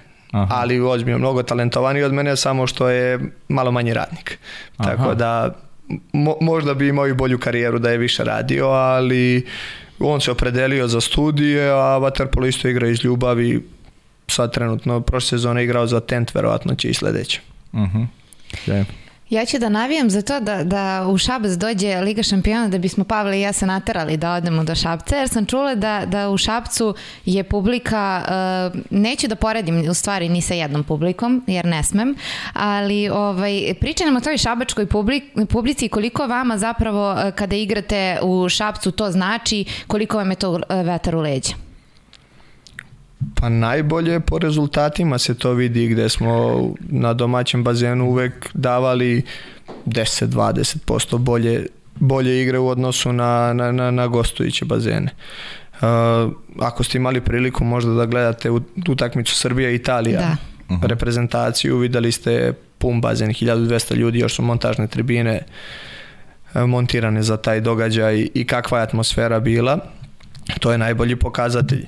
Uh, stvarno ta publika daje vetar u leđa, pogotovo kad vidite ovu da kažemo decu iz naše kluba koja tu sa strane navijaju, duvaju one uzele i, i lupaju bubnjeve uopšte nije prijatna atmosfera i atipična je totalno za vaterpolo, pa verovatno mi igramo malo više u takvoj atmosferi i snađemo se, dok protivnik koji ne igra u takvoj atmosferi bude mu malo čudno i zbog toga se on ne snađe. Eto, oni malo lošije, mi malo bolje i dođemo do toga. Mm -hmm.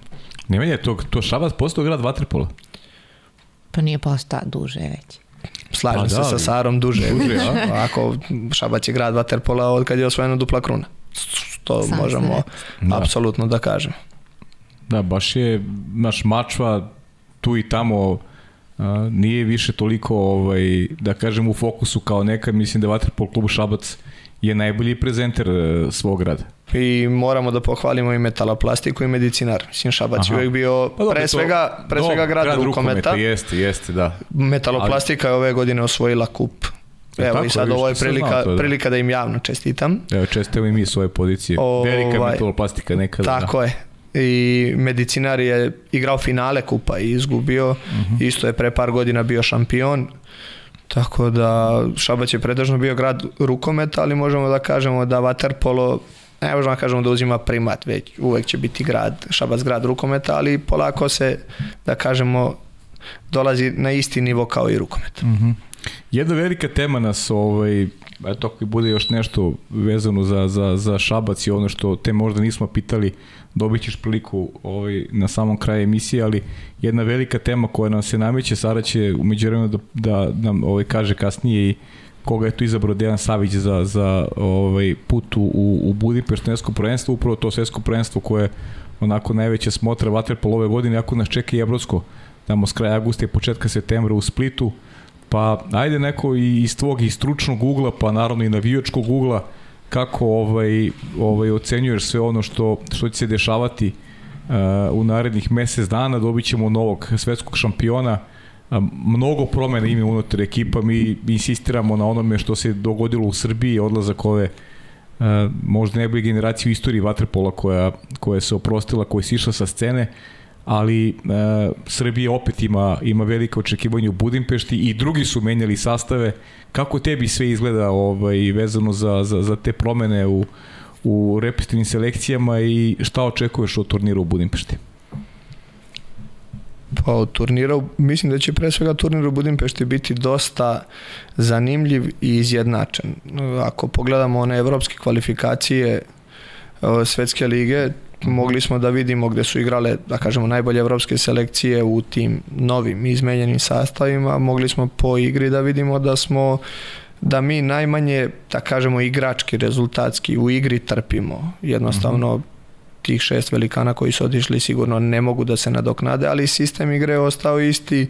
Vidi se da je ta smena generacija planirana planski uh -huh. i, i na vreme se razmišlja o njoj čak i 2019. kada, kada smo išli u podmlađenom sastavu na svetsko prvenstvo, tako da evo sad vidimo rezultat rezultat svega toga gde smo mi a kažemo osvojili te evropske kvalifikacije i stvarno smo izuzetno dobro izgledali u bazenu što se tiče igre.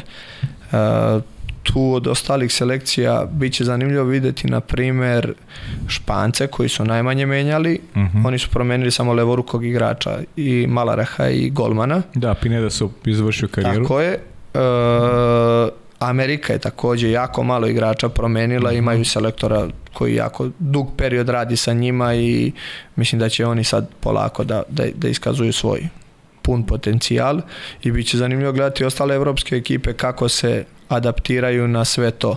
Jer su svi, svi su napravili, da kažemo, smenu generacija, to jest većina, da mhm. vidimo kako će to izgledati sad. A kako, mislim, ajde, znam da je nezahvalno pričati sada o, o, da pričamo o Srbiji, e, o, o, o, nekom potencijalu, zna se šta očekuje ovde javnost, o, kad je Waterpolo u pitanju, ako nisi prvi, nisi uradio ništa i to je nešto što ovde javnost je navikla, zaista ne mogu, mislim, što, što opet nije, nije dobro, ne treba to breme stavljati na te momke, oni sami ovaj, žele isključivo zlato, koliko je, da kažem, ajde to realno i da li ovo što si mi naveo vezano za Španiju negde njih favorizuje u nekom narodnom periodu s obzirom na taj minimum promena, a i u tom, da kažem, prethodnom mandatu kada su igrali Andrija E, Fića i ostali velikani, neko su Španci prethodnih 4-5 godine bili najveći rival Srbije, realno. Bili su najveći rival Srbije, ali evo, videli smo u Podgorici gde smo mi pretrpeli mnogo više promjene nego oni, pa smo opet pobedili. Jeste. Mislim, sam si rekao, ne treba stavljati u nikakvo breme tim momcima, to apsolutno je nerealno očekivati non stop da se osvajaju zlata, svaka medalja sa bilo kog prvenstva koja se donese je uspeh u bilo kom sportu, ne samo u waterpolu, tako da a oni sami sigurno mm. sebi stavljaju najveći pritisak i, i najviše žele da, da donesu zlato. Mm -hmm.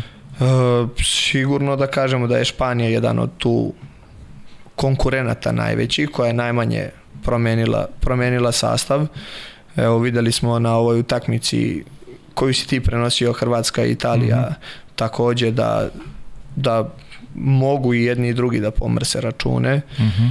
Mađarska. Mađarska, tako je kao domaći, njih nikad ne treba otpisivati. Videli ste i prošli put Evropsko prvenstvo u Budimpešti, oni su osvojili, pobedili tu Španiju koja je bila na vrhuncu uh mhm. -huh. forme. Yes. Tako da jednostavno imamo sigurno 7-8 reprezentacija koje konkurišu za tri mesta. Uh mhm. -huh.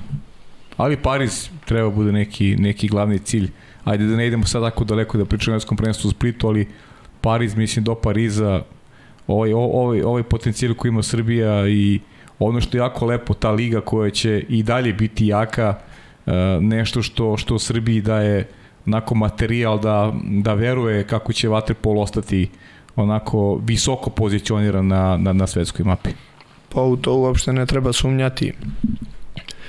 Uh, kao što selektor uvek ističe da, da, da, da otprilike kostor tima se zna ne za Pariz, već i za 2020. I za Los Angeles, tako. Tako je, za 2028. sigurno je, su olimpijske igre najveće takmičenje i uvek je četvorogodišnji plan i program, to jest tu sad u ovom slučaju trogodišnji akcija nadstavljen da na olimpijske igre. Tako da Tamo i za 2032. godinu ovi tvoji ovaj, momci treba da, da dođu do izražaja, tako da držimo ti fige da to, da to ide kako treba. To ćemo tek da vidimo ko, ko će da dođe do 2032. dobro, dobro. E, dakle, kaže da si već e, i rekao, selektor Waterpolo reprezentacije Srbije Dejan Savić objavio spisak igrača koji će igrati na svetskom prvenstvu u Budimpešti od 19. juna do 3. jula. E, u sastavu su Branislav Mitrović, Lazar Dobožanov, Dušan Mandić, Viktor Rašović, Nikola Lukić, Sava Ranđelović, Nikola Jakšić, Radomir Drašević, Strahinja Rašović,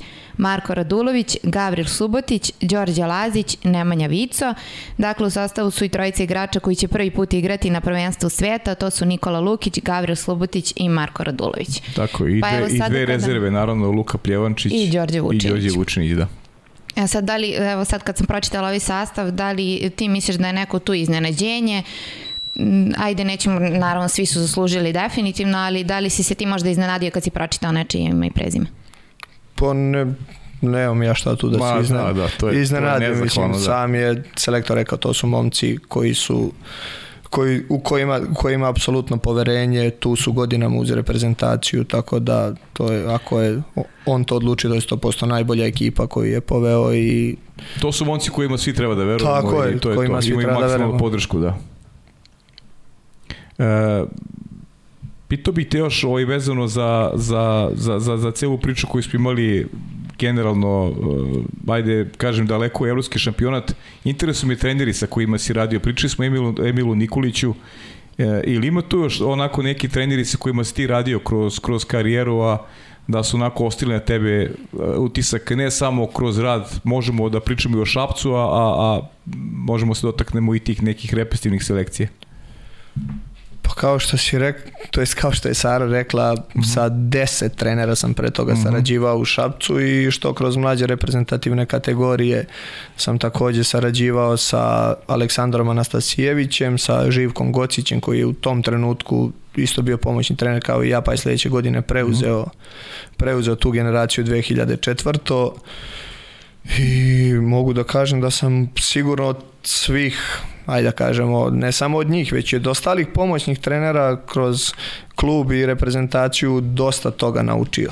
Uh mhm. -huh. Bukvalno od svakog, mislim, mo, mo, mo, možemo i da nabrojimo, evo rekli smo Emil Nikolić, uh mhm. -huh. po, pomenio bi sigurno Miodraga Mirović, Mirović. Koji, uh mhm. -huh. koji je osvojio duplu krunu sa Šapcem i, i, i doneo, doneo taj trofej u Šabac i pokazao kako, kako vrhunski profesionalac razmišlja i ponaša se na treningu, takođe ostali treneri od početka samog Dragan Strugar, Balša Nikolić, Živislav Živanović koji je legenda šabačkog vaterpola i bukvalno sve nas kroz svoje ruke oblikovao uh mhm. -huh.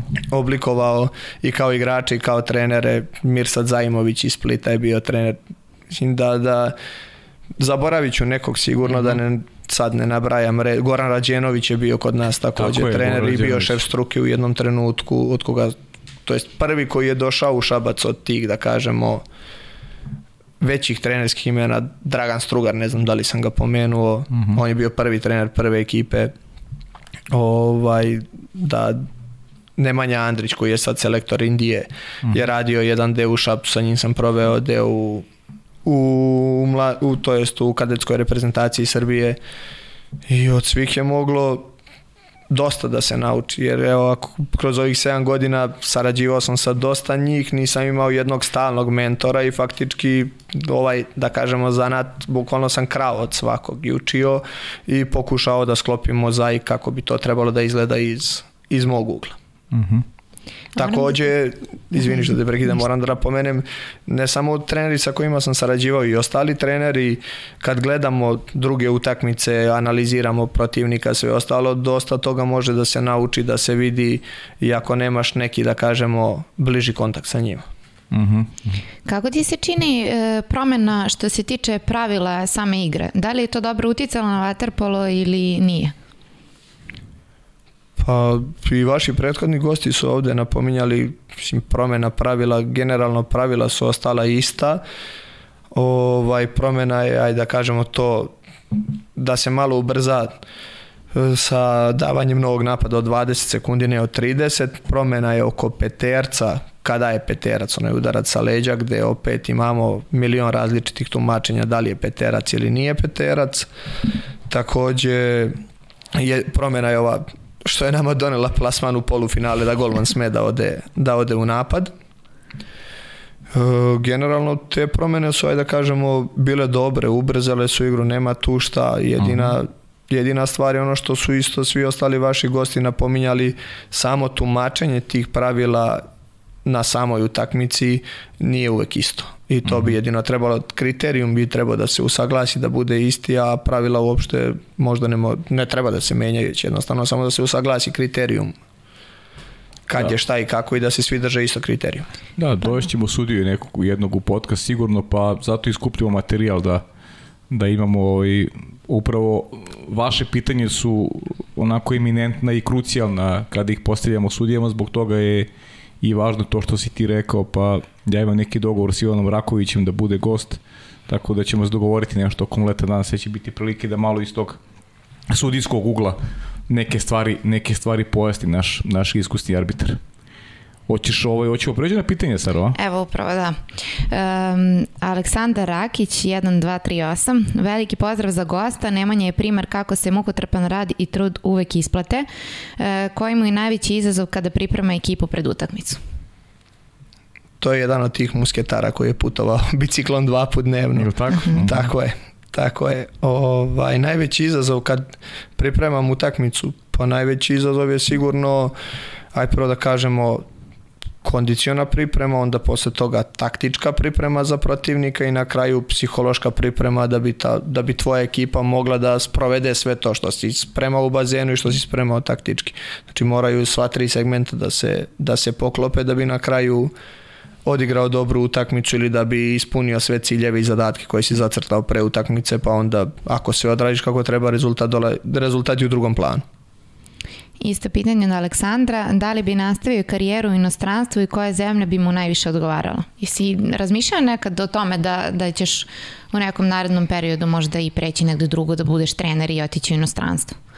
Pa iskreno da vam kažem, trenutno kakva je situacija u Srbiji što se tiče Waterpola je nikad bolja i, i trenutno uopšte ne razmišljamo o inostranstvu.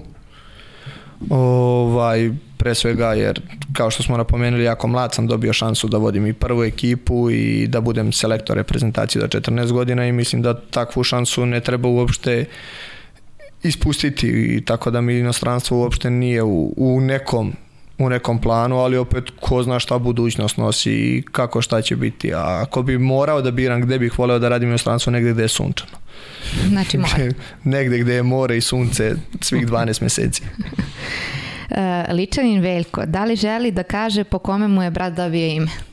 A to je to je mlađi brat. Ovaj, dobio ime po Veljku Skoković. Jel tako povedi? Znači, tako je, uh mhm. -huh. tako je. Bila, je. bila je rasprava u porodici, mama je htjela Viktor, ja sam htio Veljko pa sam pobedio. ovaj, A ti, znači, znači toliko si, toliko si volao Veljko Skoković? Neko takmičenje je bilo tad, ne mogu da se setim, 2001. Uh -huh. Šta je bila tad? da li je bila Fukuoka ili tako Moguće. nešto. Ne, ne, ne mogu da se setim i znam samo da je, da je on na jednoj utakmici, ja sam bio mali i gledao sam utakmice. Vidi, prvi 99.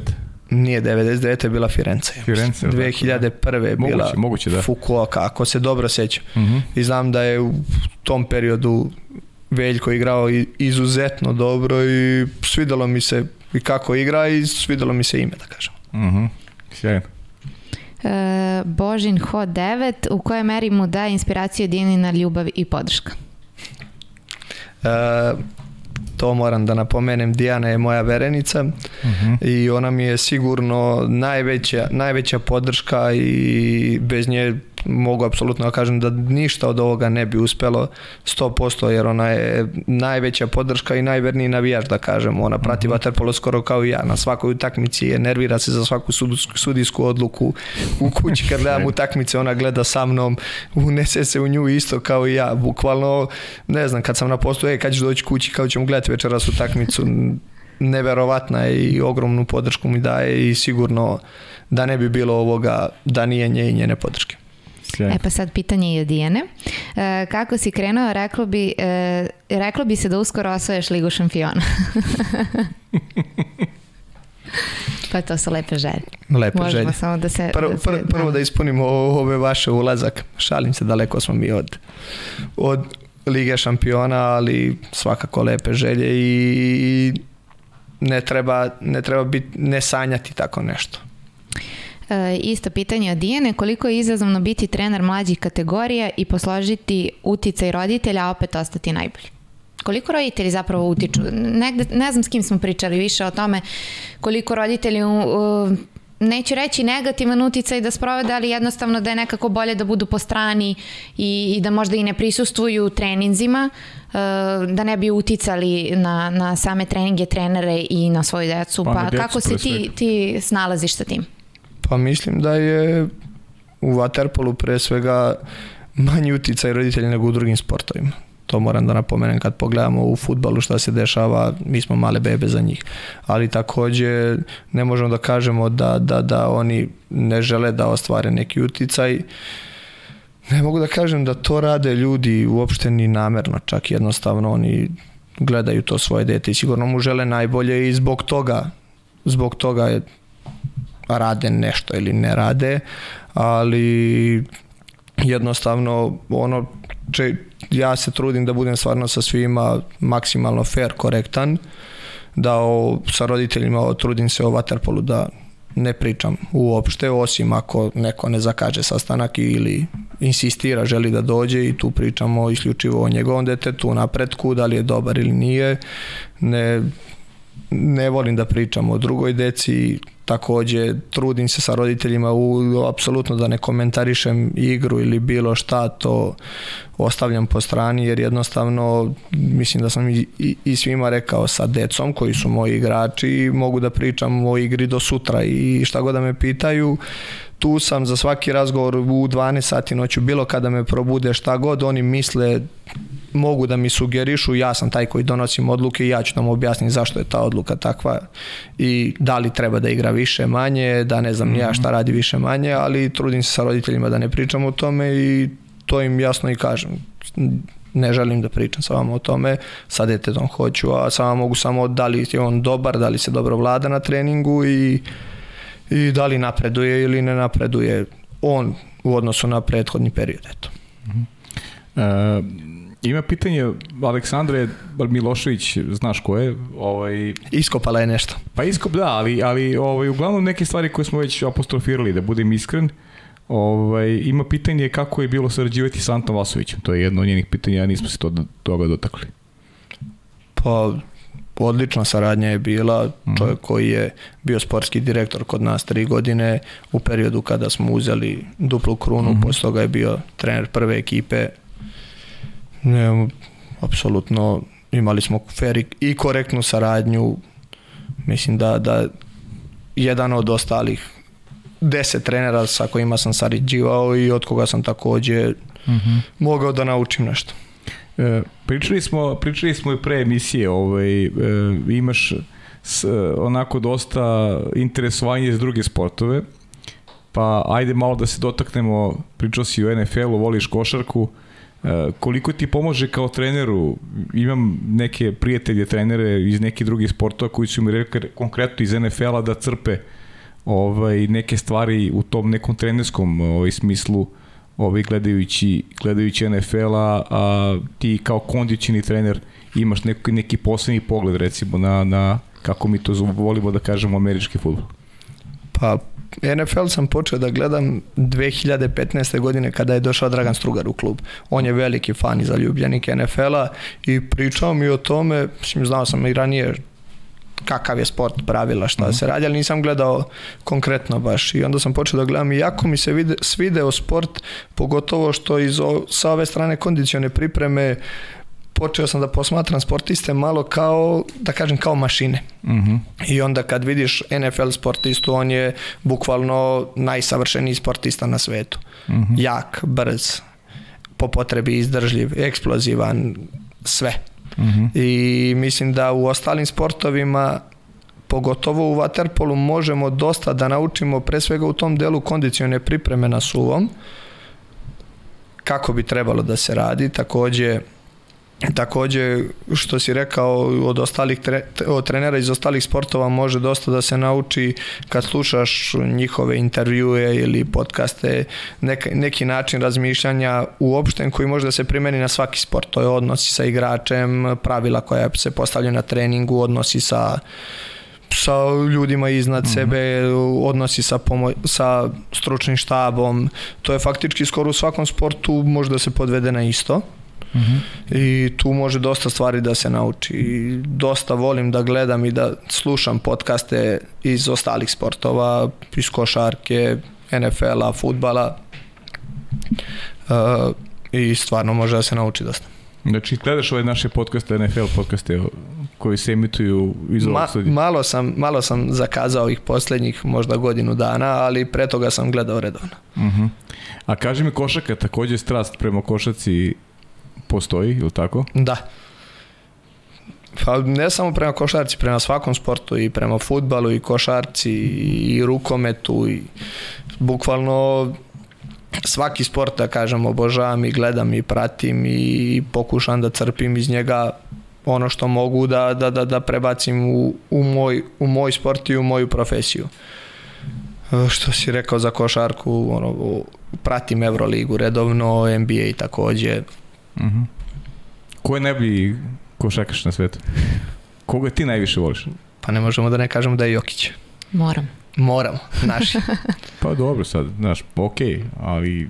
Pa, pa, kad dolaziš, kad dolaziš iz Srbije i igraš u NBA-u i dva put za redom osvojiš ne, slaži se, MVP okay. priznanje, ne možeš da ne budeš daleko najbolji. Ali to neki, sigurno nije lako. Da, ali neki tvoj, koga ti ovako igrački neko voliš da ga gledaš prosto, ne, ne mora bude baš ni svojih prostora. Ko je tebi onako neko ko, ko ti pleni ko ti pleni pojavom, igrom? Pa, na primer, ajde da kažemo LeBron James, zato što godinama toliko traje već. Uh mhm. -huh. I on igra na vrhunskom nivou i čak koliko sad ima, 36-7 godina, on i dalje igra kao da ima 26-7. Opet se vraćamo na tu fizičku pripremu njegovu uh mhm. -huh. gde on izgleda kao, kao mašina, izgleda kao čovek kao to jest mladić od 20 i kusur godina. Mhm. -huh.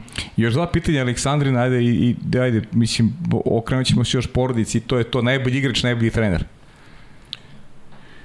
Uh, najbolji igrač, pa ne znam sad, koga bi odabrao kao, kao najboljeg igrača, to je malo nezahvalno reći, imamo stvarno ogroman, širok spektar pre svega naših domaćih igrača i ova generacija koja je sad oprostila i ona prethodna i ova nova generacija mhm. -huh. takođe inostranih igrača ne, ne bi mogao jednog da odaberem da kažem e, ta je najbolji. Uh mhm. A najbolji trener po to možemo da kažemo sigurno je ubedljivo Dejan Savić. Uh mhm. -huh. Deki, deki broj 1. I si, pa mislim da, da, da je dosta dokazao to. Da. I si plakao na Srbije Španije?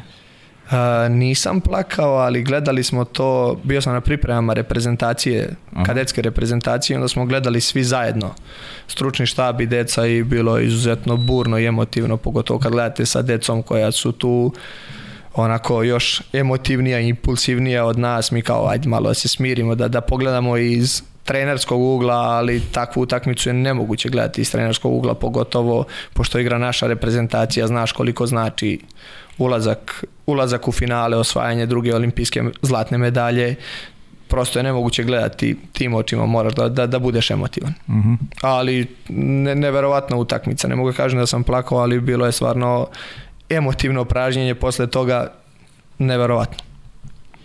Ništa, za kraj uvijek ostavljamo porodice, evo i sam si istakao koliko ti podrška tvoje verenice znači, koliko ti i sama podrška tokom cele tvoje karijere i, i trenerske pa i igračke u jednom trenutku e, značila i koliko su ti oni davali vetar u leđe. E, porodica, otac i majka, oni su sigurno najzaslužniji za, za, za to ko sam i, i, i šta sam, kako su me, ajde da kažemo, odgojili i, vaspita, i, vaspit, i vaspitali. Onda takođe zaslužni su što sam uopšte ostao u Waterpolu, jer taj dan da sam izašao i rekao mama ja treniram Waterpolo, onda došla i rekla ma kakav Waterpolo, već ideš na košarku, možda ništa ne bi bilo od ovoga. Tu moram da budem neizmerno, neizmerno zahvalan takođe u tom periodu gde niko se nikad u porodici nije bavio Waterpolom, niti smo, ajde da kažemo, nešto bili privrženi bazenu i svemu ostalom, oni su odvajali svoje vreme, vozili me na treninge, na utakmice, sve ostalo, to, to je ogromno odricanje ne samo njihov, već i svih ostalih roditelja čija deca treniraju vaterpola i druge sportove. Mislim da su i vaši ostali gosti baš to napominjali, pogotovo ovde u Beogradu, kako neko i sa Novog Beograda svako večer vozi ga, vozi ga mhm. roditelj na banjicu. Tako da tu sam, tu sam im sigurno neizmerno zahvalan, takođe kad su bile sigurno ono, u pubertetu neke neke faze gde sam hteo da prestanem, gde mi se nije više treniralo, oni su me savetovali, nije da mi nisu dali da prestanem, već su jednostavno normalnim razgovorom me ubedili da nema potrebe za tim uopšte, da sam već tu gde jesam i toliko sam sebe dao u taj sport da nema potrebe za prestajanjem. Brata sam pomenuo već da. izuzetno talentovanog. Da. Ovaj, Poput tebe. Poput tebe. Tako je, ne ne, talentovani od mene. Talentovani, dobro. I već smo rekli Verenica Dijana koja mi je ogromna podrška sad u ovom periodu karijere i to jest od samog starta trenerske karijere ona je bila tu uz mene. Nemanja, ali ima nešto da, da te nismo pitali, a ti bi želeo da, da istakneš na samom kraju u ovom tvojom prvom gostovanju u podcastu pod kapicom, a ja ću imati završnu reč. Uf, iskreno, du, dugo je trajalo. Nije ne najkraće, mogu. odmah Nisi da te razložim. Nije najkraće. Nije najkraće. Tako Nisi da- očekivao će to. Ja, ja sam tipao da će biti ubedljivo najkraći podcast. Ne. Ova, Čak ni blizu. Ni blizu. Tako da ne mogu sad da se setim ništa spektakularno, samo želeo bih ajde da, da, da pozdravim sve kolege u Vaterpolo klubu Šabac koje nisam pomenuo mm -hmm. i koji su zaslužni za, za sve uspehe kluba koji su, koji su postignuti što seniorske ekipe, što mlađi kategorija, isto tako uprava kluba koja stoji iza nas, da nas podrži i finansijski i infrastrukturno i da nam obezbedi maksimalne uslove, jer da toga nema, verovatno ne bi bilo ni ovih rezultata. A meni ostaje samo da se zahvalim e, i da kažem da je ovo tvoje prvo gostovanje, bit će ih sigurno još. Znam kako se kotiraš u, u vaterpolo krugovima. Mlad si trener, privilegija nam je što smo imali priliku da predstavimo mladog uspešnog trenera da ti poželimo sve najbolje, da kažem da sam vrlo svesno izbegao nešto što se zove koncepta vezanje za ta video pitanja, biće ih u tvom sledećem gostovanju, nisam želeo da, da namećem breme, ovaj, s obzirom da si trener ovaj, prvog tima tek koliko neki 6-7 meseci, biće prilike i za, i za tu vrstu zabave i samo ti poželim mnogo uspeha, zdravlja i ovaj, družit ćemo se ponovo, siguran sam, nekom, nekom drugom zgodom. Hvala puno. Nadam se da ćemo se družiti ponovo. Meni je bilo, već sam rekao na početku, izuzetna mi je časta i bilo mi je lepo i, i jako ugodno u ovom vašem studiju. Hvala ti. Mi ćemo da se nadamo da, će, da ćemo doći u taj šabac da vidimo A, kakva je sigurno. to atmosfera, o, kakva je atmosfera tamo.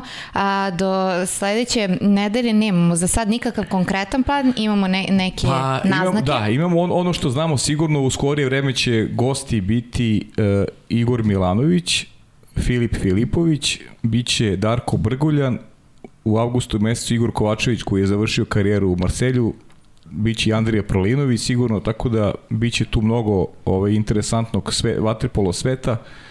Ništa vam ne proste nego da prati naše Instagram profile, pogotovo Sarin i, ovaj, i družimo se narednog četvrtka. Nadam se da ste uživali i u ovoj emisiji, a do sledećeg četvrtka sportski pozdrav.